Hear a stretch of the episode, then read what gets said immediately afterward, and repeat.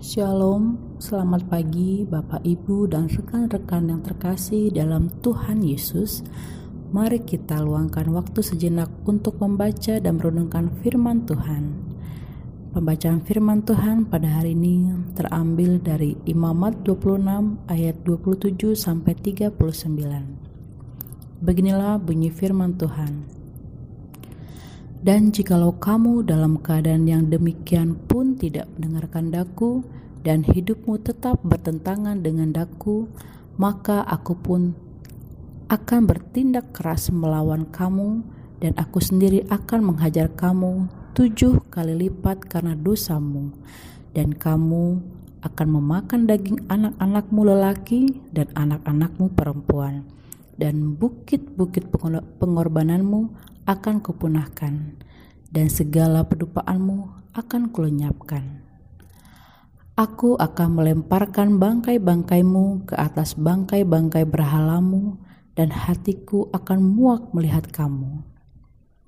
Kota-kotamu akan kubuat menjadi reruntuhan, dan tempat-tempat kudusmu akan kurusakkan, dan aku tidak mau lagi menghirup bau persembahanmu yang menyenangkan. Aku sendiri akan merusakkan negeri itu, sehingga musuhmu yang tinggal di situ akan tercengang karenanya tetapi kamu akan kuserakan di antara bangsa-bangsa lain, dan aku akan menghunus pedang di belakangmu, dan tanahmu akan menjadi tempat tandus, dan kota-kotamu akan menjadi reruntuhan. Pada waktu itulah tanah itu pulih dari dilalaikannya tahun-tahun sabatnya, selama tanah itu tandus dan selama kamu tinggal di negeri musuh-musuhmu pada waktu itulah tanah itu akan menjalani sabatnya dan dipulihkan tahun-tahun sabat yang belum didapatnya. Selama ketandusannya, tanah itu akan menjadi sabat yang belum dijalaninya pada tiap-tiap tahun sabatmu.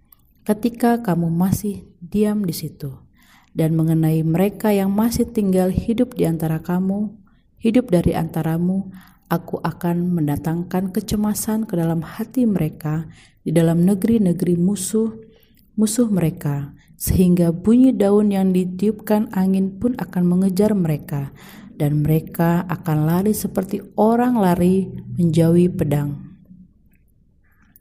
Dan mereka akan rebah sungguh pun tidak ada orang yang mengejar dan mereka akan jatuh tersandung seorang kepada seorang seolah-olah hendak menjauhi pedang. Sesungguhnya yang mengejar tidak ada, dan kamu tidak akan dapat bertahan di hadapan musuh-musuhmu.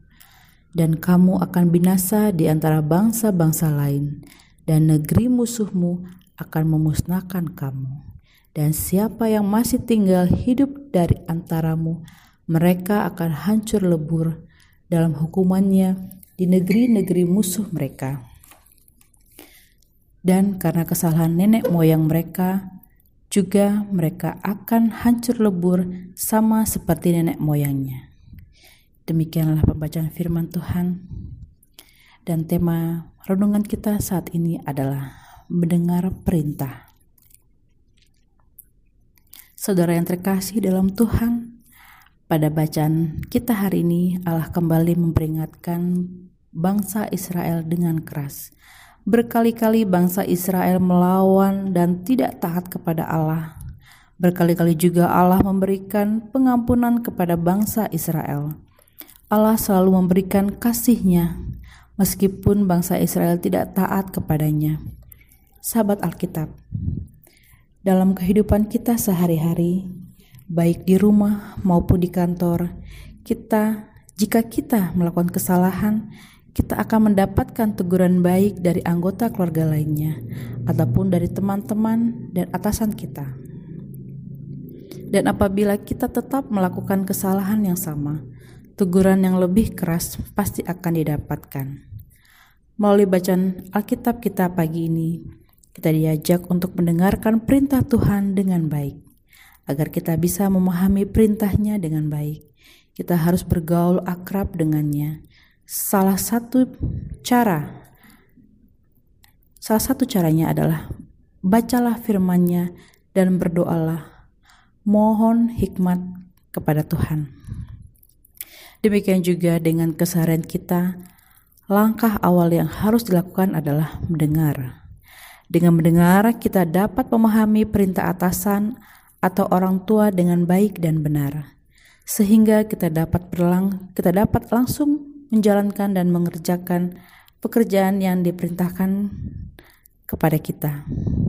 Begitu pula pada saat kita saat ini yang belum pulih benar untuk memutus mata rantai penyebaran COVID-19 adalah dengan mendengar dan taat pada peraturan pemerintah tentang pembatasan sosial berskala besar atau PSBB.